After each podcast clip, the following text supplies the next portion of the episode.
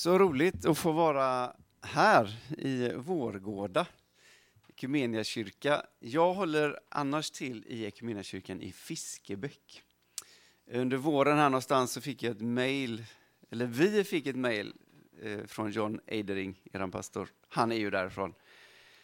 Är det någon av er som jobbar i juli som kan komma och predika? Frågade han typ. Eh, och då sa jag, men jag jobbar i juli så jag kan komma och predika. Så det är därför jag är här. Så roligt.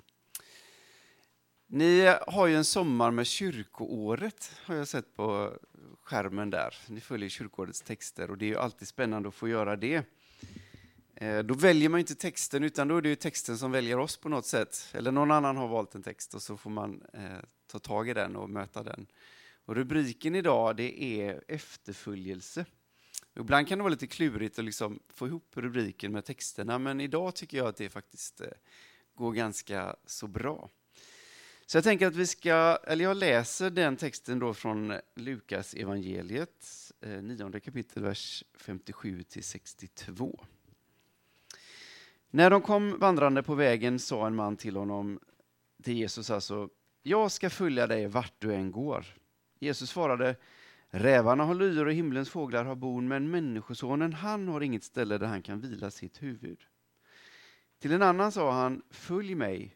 Men mannen svarade, Herre, låt mig först gå och begrava min far. Då sa Jesus, låt de döda begrava sina döda, men gå själv och förkunna Guds rike. En annan man sa, jag ska följa dig, Herre, men låt mig först ta farväl av dem där hemma. Jesus svarade, den som ser sig om när han har satt sin hand till plogen, han passar inte för Guds rike.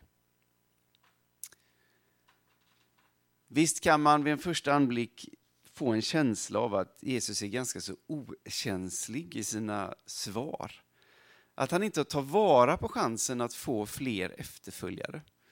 Därför att när man läser de här små konversationerna så kan man verkligen ställa sig frågan, hur många av de här tre blev Jesu efterföljare? Hur många liksom gjorde som de sa eller svarade på Jesu kallelse om att bli hans efterföljare? Det får vi inte veta, vi får bara det här lilla korta utdraget och vi kan bara spekulera i det. Vi kan ta en liten omröstning här. Hur många tror att de här tre blev efterföljare av Jesus? Inte någon alltså. Ja, det är intressant. Då, då har vi på något sätt redan eh, tolkat den här på en viss riktning och sagt att nej, men det här gjorde nog inte så gott i dem som fick de här svaren.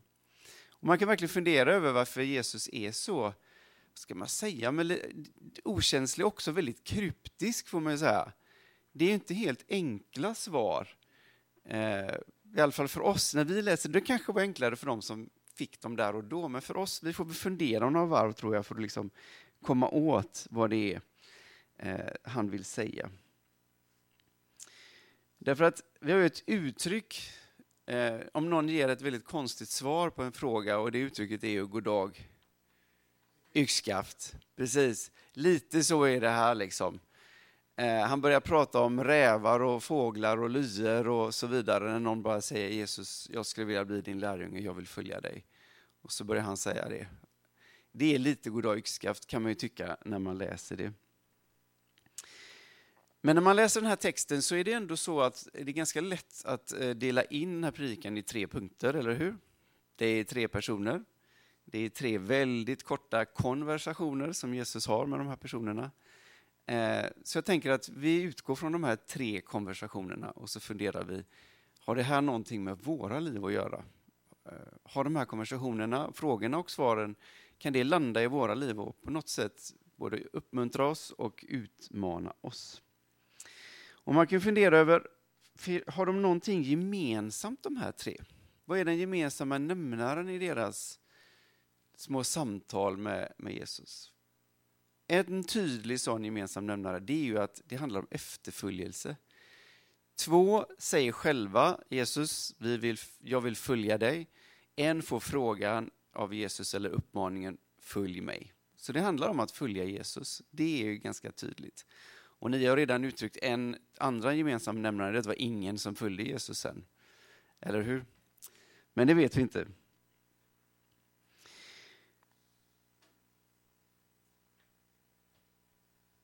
Det som är gemensamt också för de här tre svaren eller konversationerna skulle jag säga, det är att efterföljelse tycks innebära någon form av offer eller kostnad eller pris när man följer Jesus.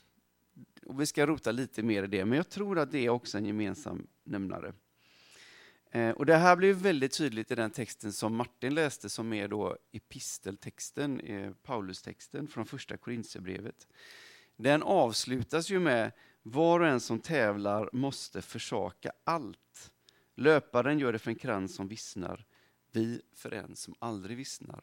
Underförstått, ni behöver också försaka allt, precis som den där löparen. Alltså det finns någon form av kostnad och offer eh, i lärjungaskapet. Och det tror jag också är en gemensam nämnare i de här, om än kryptiska, svaren eh, från, från Jesus. Så om vi tittar på de här tre olika konversationerna.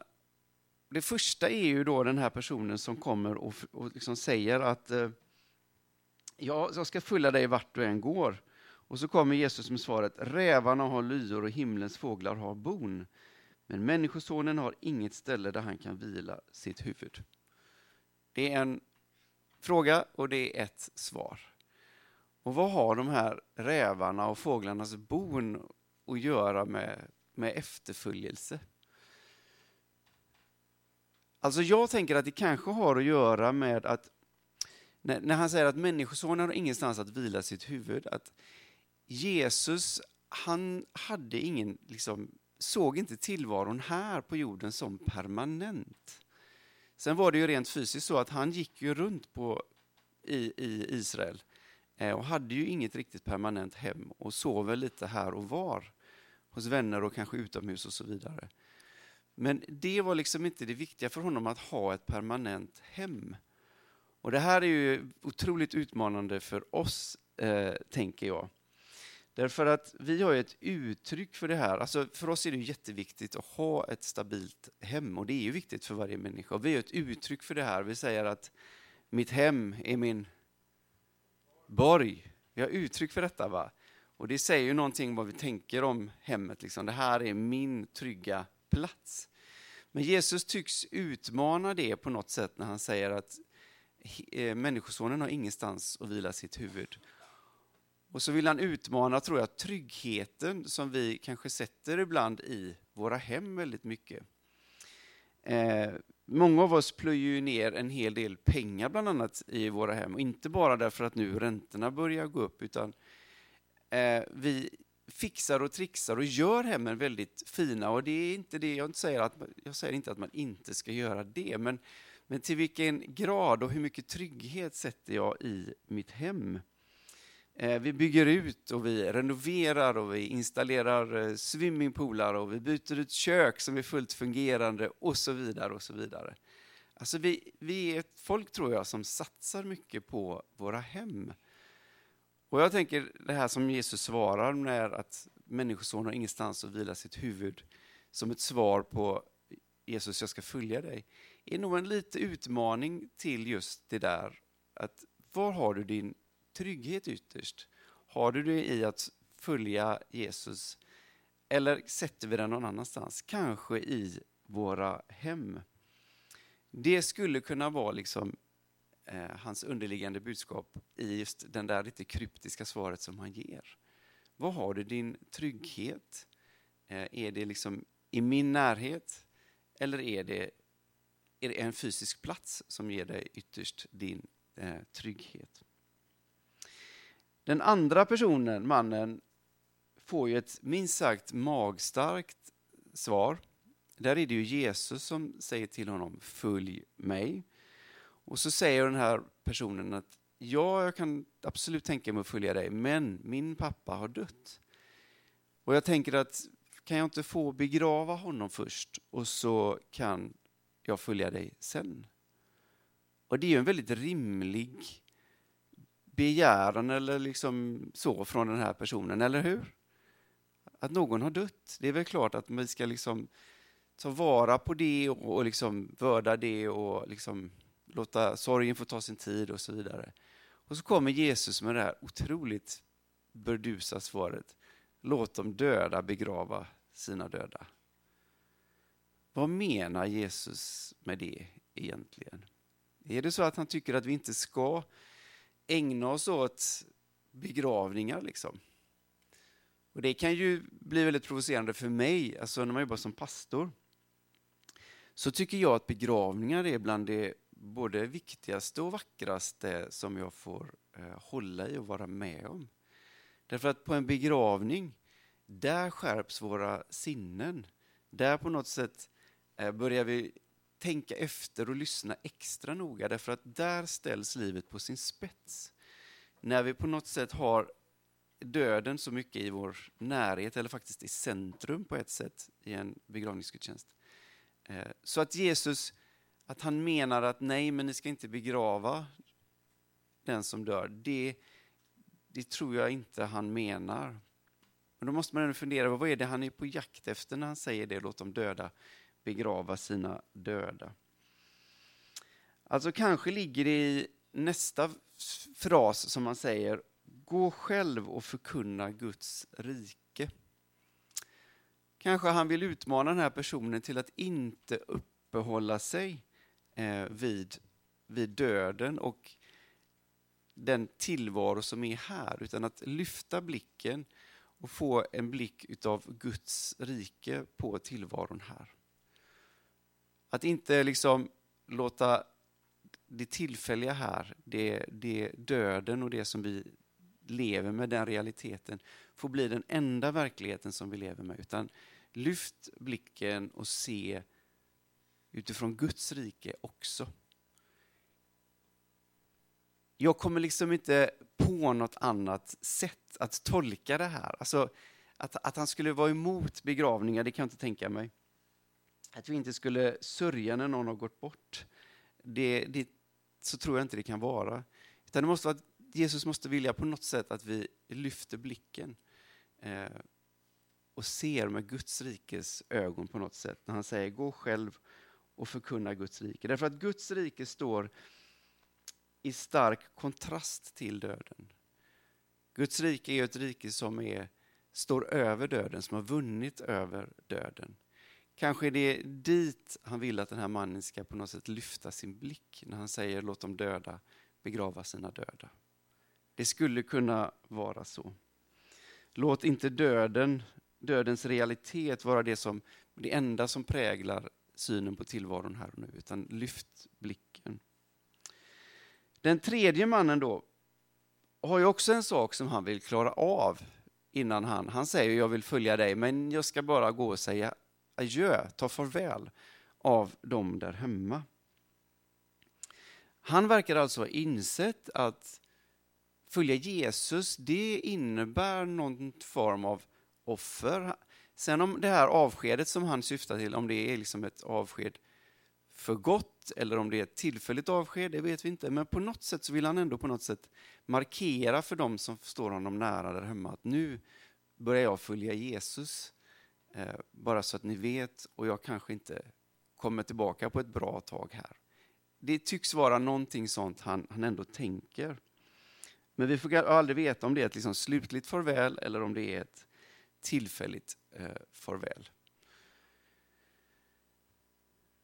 Men inte ens ett farväl är det som Jesus unnar den här mannen som vill, säger att han vill följa honom.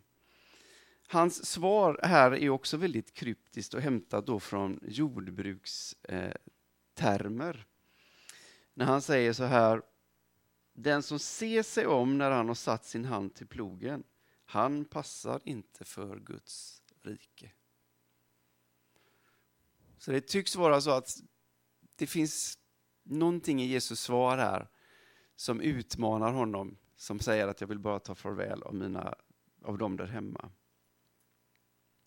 Så vad vill Jesus säga då när han säger att den som ser sig om eh, passar inte för Guds rike? Ja, men det tycks som att Jesus utmanar till ytterligare ett liksom, inställning, ett synsätt om att den kristna tron, efterföljelsen av Jesus, är inte en hobby eller en fritidssysselsättning. Utan att det är någonting som på något sätt involverar hela mig och hela mitt liv och hela min tid.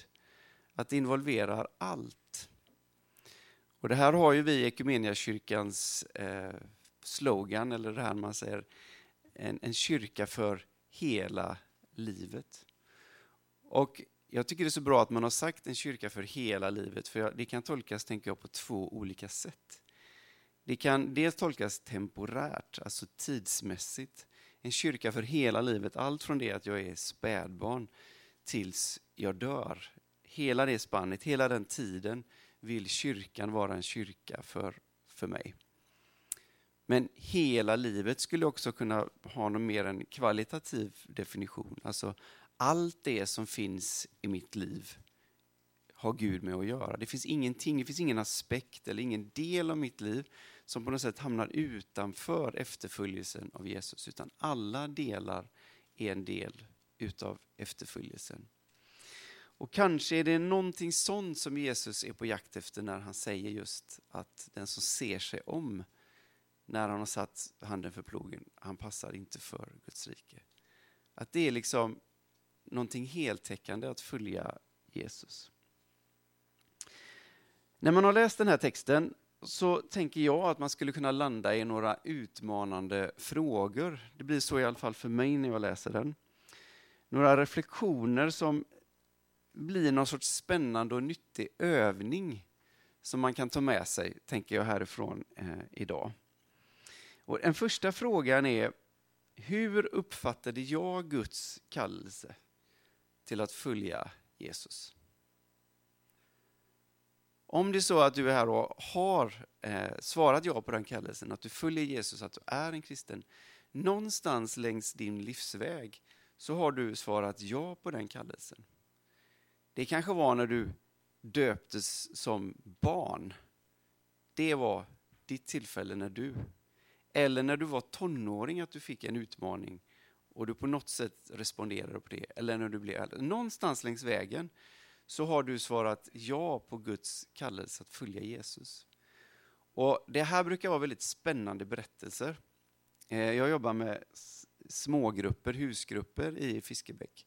Jag brukar alltid uppmuntra smågrupperna att om man inte har gjort det, att gå varvet runt i den grupp man är med i, och var och en får berätta, hur kom du till tro?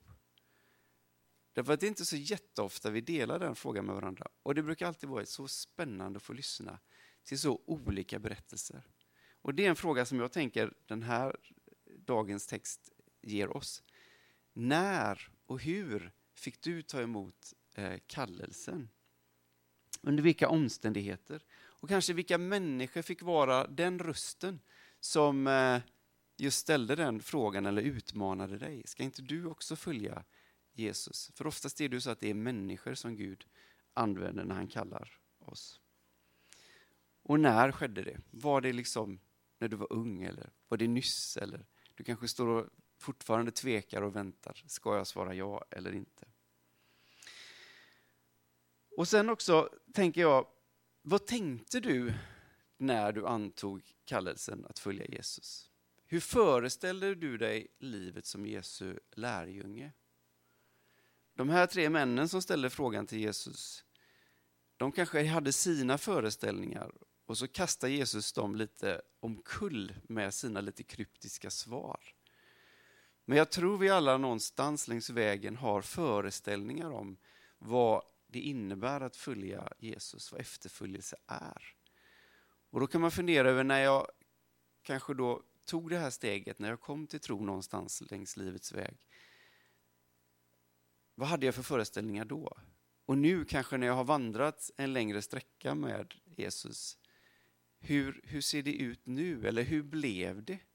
Det jag tänkte då, är det så nu eller blev det på ett annat sätt? Det här är jättespännande att få dela med varandra hur efterföljelsen har sett ut och hur det blev och hur det är. Och det här, De här frågorna kan leda vidare till ytterligare frågor, tänker jag. En sån spännande fråga, vilka, på vilket sätt har tron satt spår i ditt liv? Och då kan man börja fundera och ett sätt att ta reda på det, det är att fundera över om jag inte hade varit en Jesu lärjunge, vad hade varit skillnaden i mitt liv då? Och då kan det ju dels handla om det som den här texten handlar om, kanske vad har jag fått avstå eller offra för evangeliets skull? Men man kan ju också fundera över vad har det tillfört i mitt liv? Det är ju både och, tänker jag. Men det kan vara värt att reflektera över. På vilket sätt har tron satt spår i ditt och mitt liv? Vad har det tillfört och vad har jag kanske fått offra längs vägen? Och har man ännu inte blivit en efterföljare av Jesus så kan ju de här frågorna också vara ganska eh, användbara. Och det är ju utifrån att om jag tvekar och funderar så kan jag ju fundera just kring de frågorna. Vad skulle det innebära om jag blev en Jesu lärjunge? Vilka konsekvenser skulle det få i mina liv, eller i mitt liv? Det är ju en bra fråga att ställa eh, i så fall. Och Det vi kan konstatera också i den här texten det är att Jesu inbjudan, i alla fall i den här texten, är inte särskilt vad ska vi säga, mild eller inlindad. Det är mer att Jesus lägger korten på bordet och säger att att följa mig, det har, får ändå konsekvenser i ditt liv. Och det är ganska bra att han gör det. Han försöker liksom inte med någon falsk marknadsföring, utan han försöker verkligen tala om för dem att vill ni följa mig så är det det här som eh, väntar. Så om det var så att du kom till den här gudstjänsten i hopp om att få massa svar på dina frågor så märker du nu att nej, jag fick bara massa frågor. Och det är ju helt medvetet, för jag tror vi kommer längre på den här typen av frågor än att få massa svar eh, serverade. Så ta med dig de här frågorna, de här funderingarna. Ta det kanske runt fikabordet eller när ni kommer hem eller så. Ta med dem in i resten av den här sommaren. Vad har tron fått för konsekvenser eh, i ditt liv? Det är en bra fråga att börja i, tror jag, när man pratar tillsammans. Vi ber. Herre, tack för ditt evangelium. Tack för alla dessa berättelser vi har om när du mötte människor. Herre, det vi har läst idag är ett litet eh, snitt ur alla de samtal du hade med, med människor. De här tre männen, vi har ingen aning om var de kom ifrån eller vart de tog vägen sen och vilken effekt dina svar till dem fick i deras liv. Men Herre, vi vill eh, komma till dig och vi vill eh, lyssna till dig. Tack att du vill utmana oss. Du vill locka oss till att följa dig. Så led oss vidare i vår vandring med dig, Herre. Vi ber så i ditt namn. Amen.